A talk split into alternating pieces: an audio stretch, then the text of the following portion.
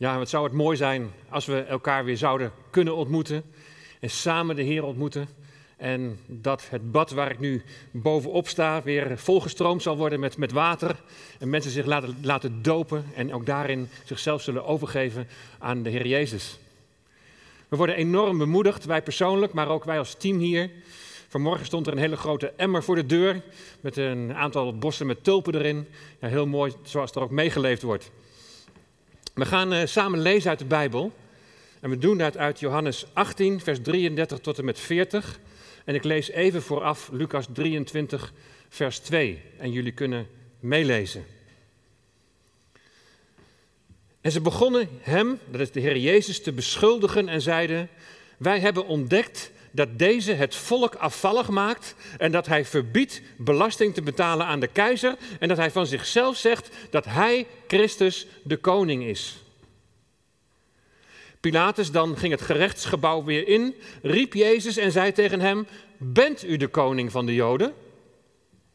En Jezus antwoordde hem: Zegt u dat uit uzelf of hebben anderen het over mij gezegd? En Pilatus antwoordde: Ben ik soms een Jood? Uw eigen volk en de overpriesters hebben u aan mij overgeleverd. Wat hebt u gedaan? En Jezus antwoordde: Mijn koninkrijk is niet van deze wereld. Als mijn koninkrijk van deze wereld was, dan zouden mijn dienaars gestreden hebben, opdat ik niet aan de Joden overgeleverd zou worden. Maar nu is mijn koninkrijk niet van hier. Pilatus dan zei tegen hem: U bent dus toch een koning. En Jezus antwoordde: U zegt dat ik een koning ben. Hiervoor ben ik geboren en hiervoor ben ik in de wereld gekomen om voor de waarheid te getuigen. Iedereen die uit de waarheid is, geeft aan mijn stem gehoor. Pilatus zei tegen hem: Wat is waarheid? En nadat hij dat gezegd had, ging hij opnieuw naar buiten naar de Joden en zei tegen hen: Ik vind geen schuld in hem. Maar u hebt de gewoonte dat ik op het paascha iemand voor u loslaat. Wilt u dan dat ik de koning van de Joden voor u loslaat? Zij dan schreeuwden allemaal opnieuw: Niet deze, maar Barabbas. En Barabbas was een misdadiger. Tot zover deze schriftlezing. De verwachting is dat aan het einde van de maand mei de top wordt bereikt van het aantal opnames op de intensive care afdelingen van de ziekenhuizen. De instroom die moet voor die tijd dan al zijn afgenomen, omdat coronapatiënten gemiddeld zo'n drie weken op zo'n intensive care liggen. En het is dan de vraag, kunnen we het dan nog aan? Of zitten we vol en moeten er keuzes worden gemaakt? Is er dan voldoende apparatuur? Zijn er voldoende en bekwame medewerkers? Want van de medewerkers wordt een hoge kwalitatieve zorg verwacht.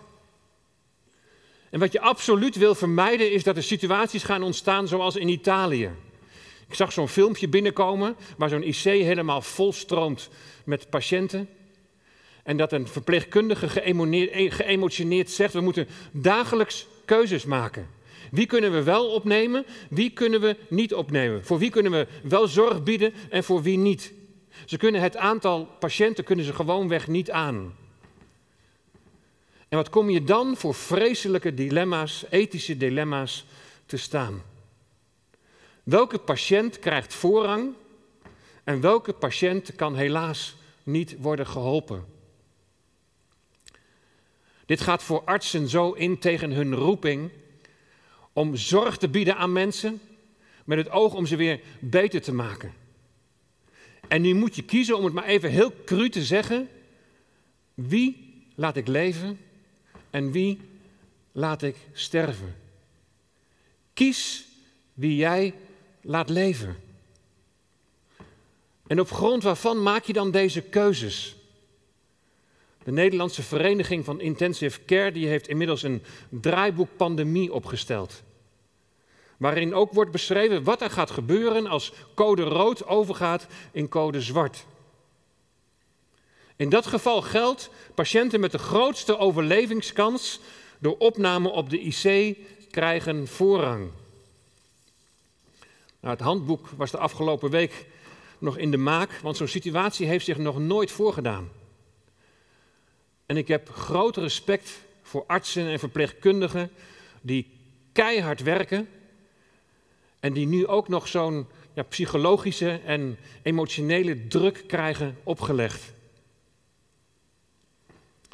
Het is niet zo dat ik dit thema kies wie je laat leven zo heb uitgezocht en vervolgens heb gekeken, nou welk Bijbelgedeelte zou daar nou nu mooi bij passen. Maar het ging eigenlijk andersom.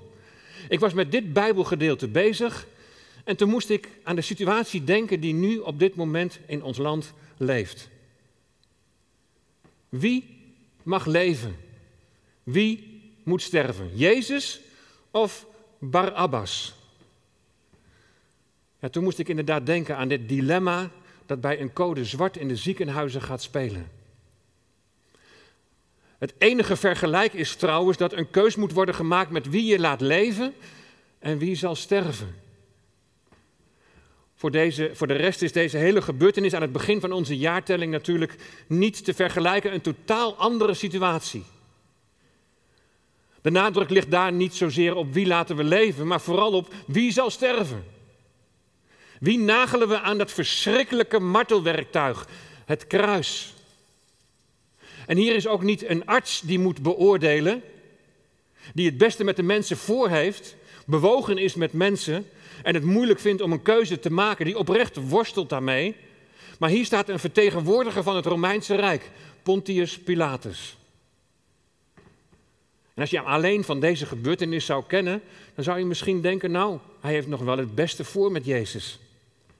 Hij ziet helemaal geen kwaad in hem, maar ja, die geestelijke leiders en het volk die door hen opgeruid worden, die, die willen hem gekruisigd zien. Maar dan bedenkt Pilatus een list. En hij stelt een grote misdadiger tegenover Jezus. In de hoop dat het volk ervoor zal kiezen om die misdadiger te laten kruisigen. Maar dat blijkt een misrekening. En dan was Pilatus al gauw zijn handen in onschuld, want hij wil er part nog deel aan hebben. Het lijkt er zo op dat hij best wel sympathie heeft voor Jezus. Na zijn sterven dan, dan laat hij zelfs Jozef van Arimathea toe om Jezus te begraven. Zou hij die toestemming geven als een stukje tegemoetkoming?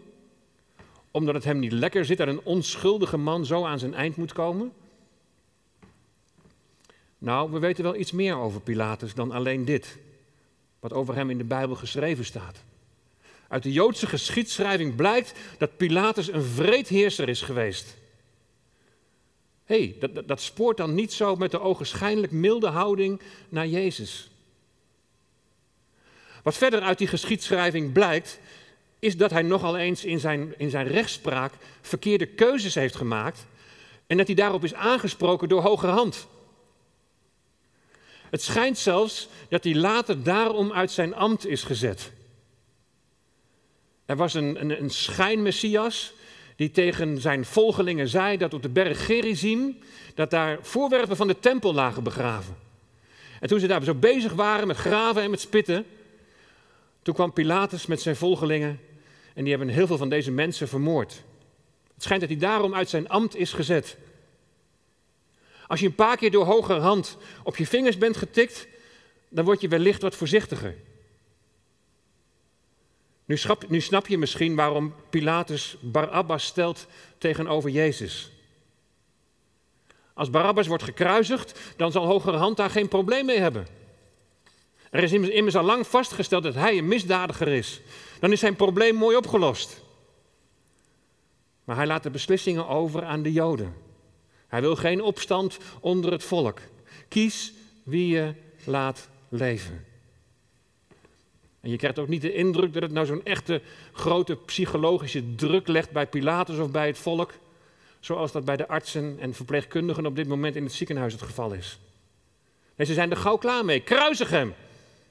Kruisig hem. En dan hebben ze het over Jezus van Nazareth. Ik zou jou willen vragen. Wie laat jij leven? Geef niet te snel antwoord, want die vraag die komt zo meteen nog weer terug. Eerst wil ik deze twee personen nader aan jullie voorstellen. Twee personen die, die beeld staan voor twee verschillende, tegengestelde koninkrijken. En we beginnen met Barabbas. In een aantal oude handschriften wordt hij Yeshua Barabba genoemd. Hey, Yeshua, dat is Jezus. Nou, dat was best wel een gangbare naam in die tijd. Dus meer jongetjes kregen wel de naam Jezus. Maar die achternaam, die is wel heel wonderlijk. Bar Abba. Dat betekent zoon van de vader. Dus Bar Abbas, Yeshua Bar Abba betekent Jezus, zoon van de vader. Heel opmerkelijk. Vrij algemeen wordt aangenomen dat wat, het, wat Bar Abba betreft, dat het gaat om een bijnaam. Het is dus de keuze tussen Jezus en Jezus. Wie is jouw Jezus? Wie laat jij leven? Wie leeft in jouw hart? Nog even wachten met antwoord geven. Barabbas, die hoort waarschijnlijk tot een groep van verzetstrijders die ze de Zeloten noemden. Zeloten, dat betekent ijveraars. En dat was een politieke beweging die zich opzette tegen het Romeinse gezag. De Zeloten die redeneerden als volgt. Als jij je laat onderwerpen aan het Romeinse gezag, dan hou je geen rekening met God die regeert. Barabbas is dus waarschijnlijk iemand die is voor, voor een theocratie. Maar hoe? Hoe wordt dat koninkrijk dan gevestigd? En dan zie je bij Barabbas in eigen kracht, in eigen kunnen, in vertrouwen op eigen kunnen. De Romeinse verzetten verdrijven. En hij gaat daarbij over lijken. Door geweld moest een nieuw koninkrijk worden gevestigd. Maar wat zegt de profeet Zacharia? Niet door kracht, niet door geweld, maar door mijn geest, zegt de Heere van de legermachten. Daar is bij Barabbas weinig van te merken. En vergelijk dat nu eens even met de wereld waarin wij nu leven. Leven wij niet in een maatschappij waarin de veronderstelling leeft dat alles maakbaar is? Dat wij als mensen tot alles in staat zijn? We kunnen onze eigen boontjes wel doppen. We hebben God niet nodig. Als je iets buiten jezelf nodig hebt, zoals God, dan ben je toch een zwakkeling. Maar dan komt er een virus. Slechts een virus. Vergelijkbaar met een griepje wordt eerst gezegd. Trump die, die, die wuift het aanvankelijk weg van, ach ja, gewoon een griepvirusje. En wij hebben de beste onderzoekers. En wij sturen de beste onderzoekers, de beste wetenschappers naar China. En wij zullen dit wel even oplossen. Maak je geen zorgen, slaap gerust. Maar het waait over van het ene land naar het andere land. En het aantal besmette mensen valt aanvankelijk nog wel mee. En ook de mensen die overlijden, maar het wordt meer en meer en meer. En het probleem doet zich voor dat op een gegeven moment de zorg het niet meer aan kan. En één voor één stappen vele landen ineens plotseling op de rem. Alles gaat op slot. Het sociale leven, het economische leven komt van het ene op het andere moment tot stilstand. Met hele grote gevolgen. Wat overkomt ons nu? Dit is het koninkrijk van Barabbas. In eigen kracht alles willen realiseren. Ervan overtuigd zijn dat jij het zelf wel kan. God niet nodig hebben en dan tot de conclusie komen dat het toch allemaal wat minder maakbaar is dan je aanvankelijk had gedacht. Dat gaat straks na de crisis, en ik verwacht al tijdens de crisis, gaat dat reacties losmaken. Niet van laten we tot God keren, maar wat gaan wij nu als mensen doen opdat zo'n situatie nooit weer voor zal komen? Minister-president Rutte die zei 2 april in de Tweede Kamer Degene die denkt dat de wereld van voor het coronavirus terugkeert zoals die was, die leeft in een illusie. Heel opmerkelijk. Een uitspraak die tot nadenken stemt. De voormalige premier van Engeland, Gordon Brown, die zei: We moeten nu over naar een wereldregering. In ieder geval zolang deze crisis heerst. Waar de mens controle verliest, zul je zien dat de roep om centralisering van de macht en één grote leider, dat die roep die zal steeds groter worden. Onze Bijbel die geeft aan dat dit ook inderdaad zal gaan gebeuren. Waar de mens controle verliest, is een hele grote bereidheid om ten gunste van het oplossen van de problemen een stukje vrijheid en privacy op te geven. In Amerika, daar is een bedrijf dat heet Profusa. Je kunt dat zo even googlen, je kunt het zelf opzoeken wat ik nu ga zeggen. En Profusa, zij leiden de ontwikkeling van een nieuwe generatie bio-geïntegreerde sensoren die in je lichaam worden aangebracht om zo jouw gezondheid te monitoren. Dan zijn jouw medische gegevens zo bekend. Dan kan er snel gehandeld worden. Ja, het klinkt geweldig. Dan hoeven we ons niet meer druk te maken over testen. Want het resultaat van jouw gezondheid is zo bekend en je kunt het bijvoorbeeld aflezen vanaf je smartphone. En we horen nu al hoe overheden je via dit medium, via zo'n smartphone, kunnen volgen. En dus ook, dus ook de resultaten kunnen aflezen en weten waar jij je bevindt. Muntgeld en papiergeld moeten worden uitgebannen. Je mag er tijdens deze crisis nog net mee betalen. Eigenlijk willen ze er vanaf. En ook daarvoor is al lang een alternatief. Zoals het inbrengen van een microchip. En de beste plaats voor zo'n microchips in verband met het opladen is de rechterhand. Ook daar spreekt de Bijbel over. Dat er een tijd zal komen dat je niet meer kunt kopen en verkopen dan dat je het teken van het beest draagt op je rechterhand of op je voorhoofd. De mens zal blijven vasthouden aan maakbaarheid en controle. In plaats dat de mens controle overgeeft aan haar schepper. De kern van alle problemen is dat de mens God loslaat en het zogenaamd zelf wel kan. Dat is het rijk van Barabbas. Met geweld ten koste van mensenlevens jouw koninkrijk verwezenlijken. Welke Jezus laat jij leven? Dan gaan we nu naar Jezus de Messias. De vraag van Pilatus aan Jezus is: Bent u de koning van de Joden?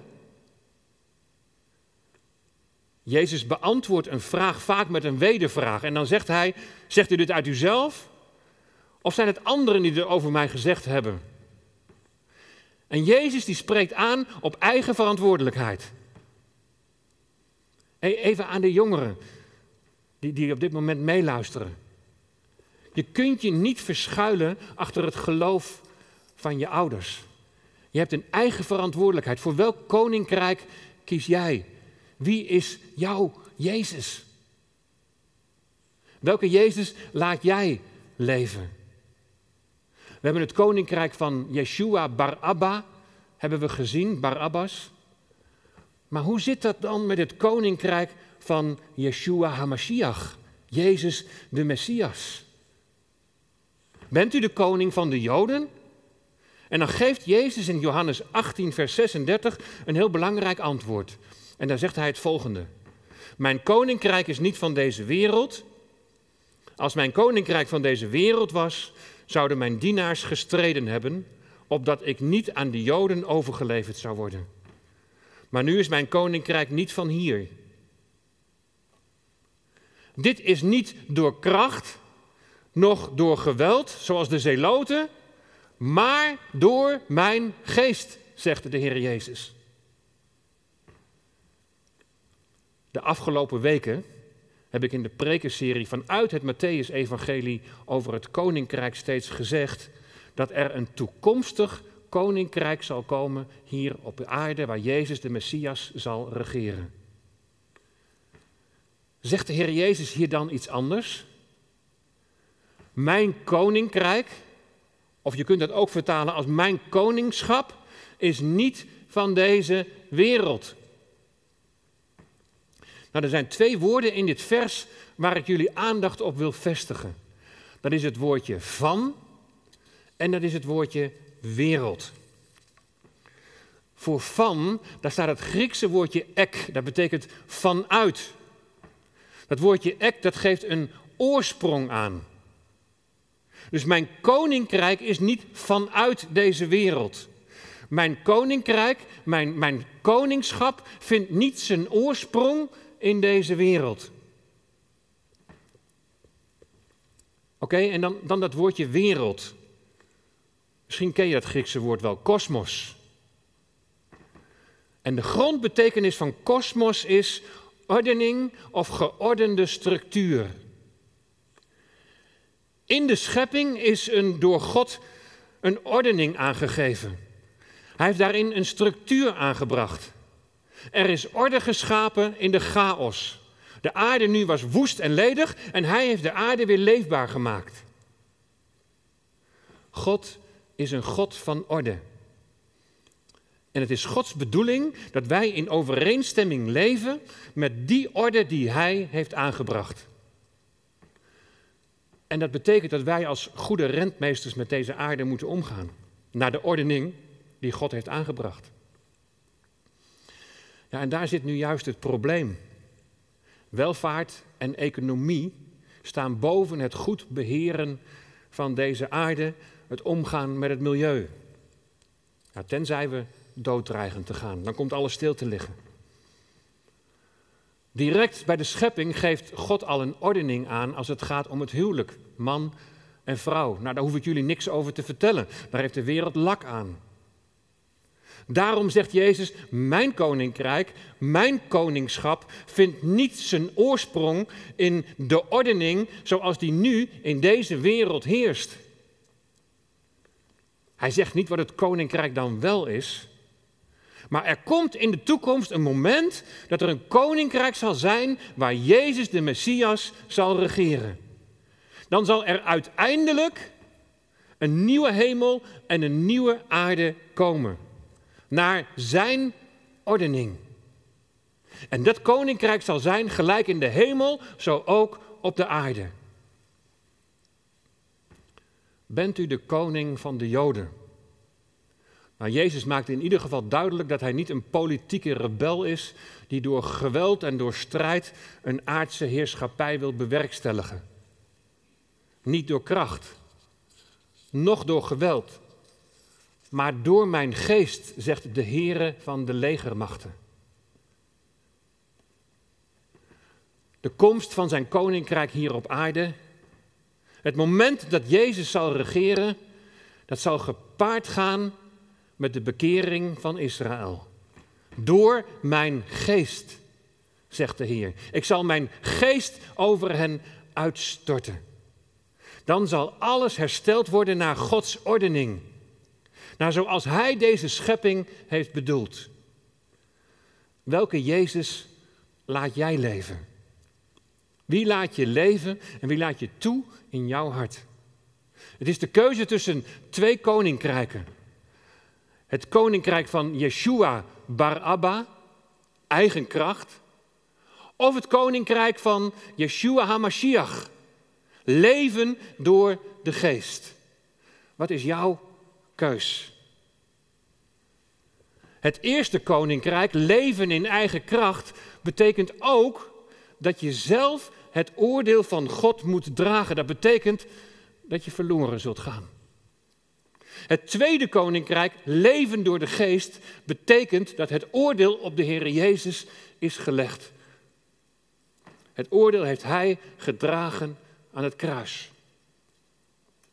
Kies wie je laat leven, wie je toelaat in je hart. Ik heb iets geschetst van het koninkrijk van Barabbas. Wat de gevolgen van deze coronacrisis zullen zijn. Of wat nu veel gemakkelijker allemaal ingevoerd kan worden ter voorkoming van weer zo'n situatie. En die bereidheid zal er zijn En we, we zullen daar onze vrijheid en privacy steeds meer en meer voor moeten opgeven. En dat is niet om je angstig te maken, maar om je te laten zien dat Gods plan in vervulling gaat. Dat precies datgene zal gaan gebeuren wat God in zijn woord heeft gezegd. En ik weet natuurlijk niet in welke snelheid dit allemaal zal gaan. Maar als je zo de geluiden om je heen hoort en wat er allemaal wordt gezegd, en ik heb daar voorbeelden van gegeven, dan denk ik dat het allemaal heel dichtbij is. Het bevestigt mij allemaal ook, ook juist Gods betrokkenheid bij het leven hier op aarde. En dan denk je toch niet dat Hij jou, zijn kind, die leeft door de geest, maar aan zijn lot overlaat. Ik geloof ook niet dat we alles zullen meemaken zoals ik dat net heb geschetst. Maar dat al eerder de bazuin zal klinken en de aartsengel zal roepen en bij de Here tegemoet zullen gaan in de lucht om voor altijd bij Hem te zijn. En als dat niet zo is, of het zit misschien toch een beetje anders, dan vertrouw ik op Gods nabijheid. Je hoeft niet angstig te zijn. In Romeinen 8, vers 15, daar staat, u hebt de geest niet ontvangen om opnieuw als slaven in angst te leven. U hebt de geest ontvangen om Gods kinderen te zijn en om Hem te kunnen aanroepen met Abba, Vader. We gaan zo meteen met elkaar zingen. Ik ben een koninklijk kind, door de Vader bemind. En zijn oog rust zo teder op mij. Als de dageraad straks gloort, als de bazuin wordt gehoord, roept hij mij om te staan aan zijn zij. Leef door de geest. Leef naar de ordening die God heeft aangegeven. Dat betekent leef in gehoorzaamheid aan Hem. Want Hij weet wat het beste voor jou is. Leef in afhankelijkheid van Hem. Bid iedere dag om de leiding van de Heilige Geest. Dat Hij je mag sterken. Dat Hij je kracht mag geven. Dat Hij je wijsheid zal geven. Omdat je ook in je dagelijks leven iets kunt laten zien in welk koninkrijk jij leeft. Wie jouw koning is. Bid om de leiding van de Heilige Geest, opdat er vrede en rust in jouw huis mag zijn. Dat in jouw huis niet een sfeer zal heersen van hoge verwachtingen en prestatiedrang. Maar dat in jouw huis een ieder zichzelf mag zijn. En dat de een de ander uitnemende acht dan zichzelf. Een huis waar als de spanning toch te veel oploopt en het misschien even misgaat, daar weer een mooi moment van vergeving mag zijn. Kies wie jij laat leven. Ik hoop dat je zult zeggen, Jezus de Messias. Dat Hij leeft in je hart en dat dat ook in je dagelijks leven zichtbaar zal worden. Niet door kracht, noch door geweld, maar door mijn geest, zegt de Heer. Ik zei al, ik weet niet hoe snel het allemaal zal gaan. Maar toen ik preekte over die eindtijd, toen zei ik in verschillende preken, leef vandaag alsof hij morgen komt. Ik ga nu wat anders zeggen. Leef vandaag alsof Hij vandaag komt. Laten we samen bidden. O Heer Jezus, ik heb U lief. Ik hou van U. En Heer, er is zo dat diepe besef dat ik dat alleen kan zeggen omdat U mij eerst hebt lief gehad. Heer, leer mij, leer ons leven door Uw geest. Leer ons leven in gehoorzaamheid aan U. Leer ons leven in afhankelijkheid van U. U bent onze God, u bent onze koning. Heer, u staat boven alles. We leggen zo onze levens in uw hand. Heer, we willen ons aan u toevertrouwen. Heer, we roepen u aan. We willen u bidden, Heer. Wilt u deze crisis tot een einde brengen? Wilt u mensen genezen? Wilt u redding brengen? Of misschien luisteren er nu op dit moment mensen mee die nog niet die keuze hebben gemaakt van het koninkrijk van Yeshua HaMashiach, van Jezus de Messias. O Heer, ik bid zo, wilt u hart en daarin aanraken. Dat mensen tot bekering mogen komen en zich zullen afkeren van het koninkrijk van Barabbas, van eigen kracht. Hier komt u zo tot uw doel met onze levens. Bouw uw gemeente ook in deze tijd, ook al kunnen we niet samenkomen. Uw geest doorbreekt alle grenzen die door mensen zijn gemaakt. Heer Jezus, verheerlijk uzelf in ons midden. We loven en prijzen u in de machtige naam van onze Heer Jezus Christus. Ik ben een koninklijk kind, door de Vader bemind. En zijn hand rust zo teder op mij. We danken u voor die geweldige belofte. Uw naam zij geloofd en geprezen. In Jezus' naam. Amen.